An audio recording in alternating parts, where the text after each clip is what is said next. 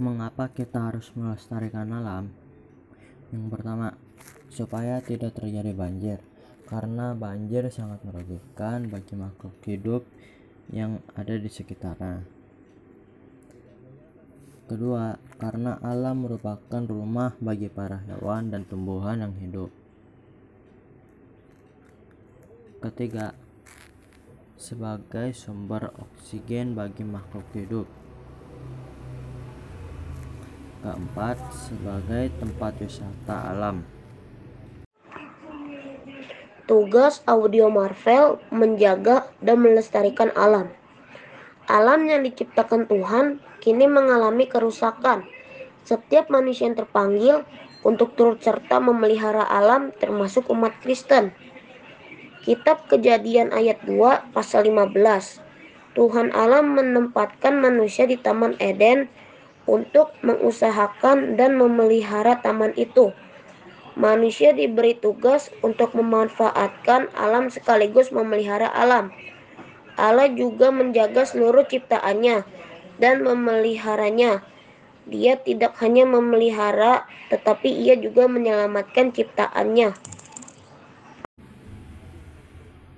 Bagaimana cara melestarikan alam?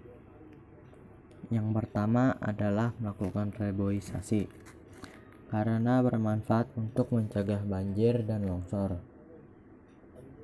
Yang kedua adalah melakukan tebang pilih.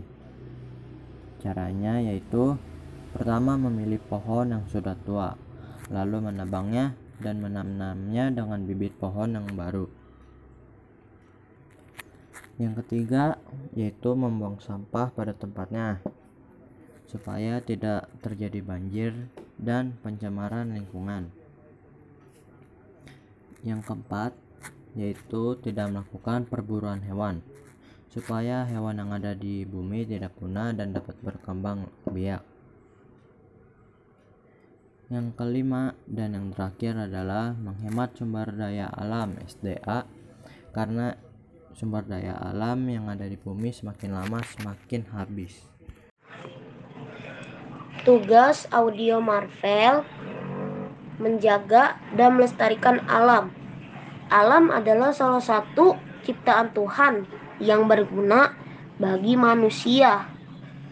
Memelihara alam merupakan kewajiban, yaitu sebagai tanggapan terima kasih kepada Allah. Melestarikan alam dan menjaga alam adalah sesuatu yang penting untuk manusia.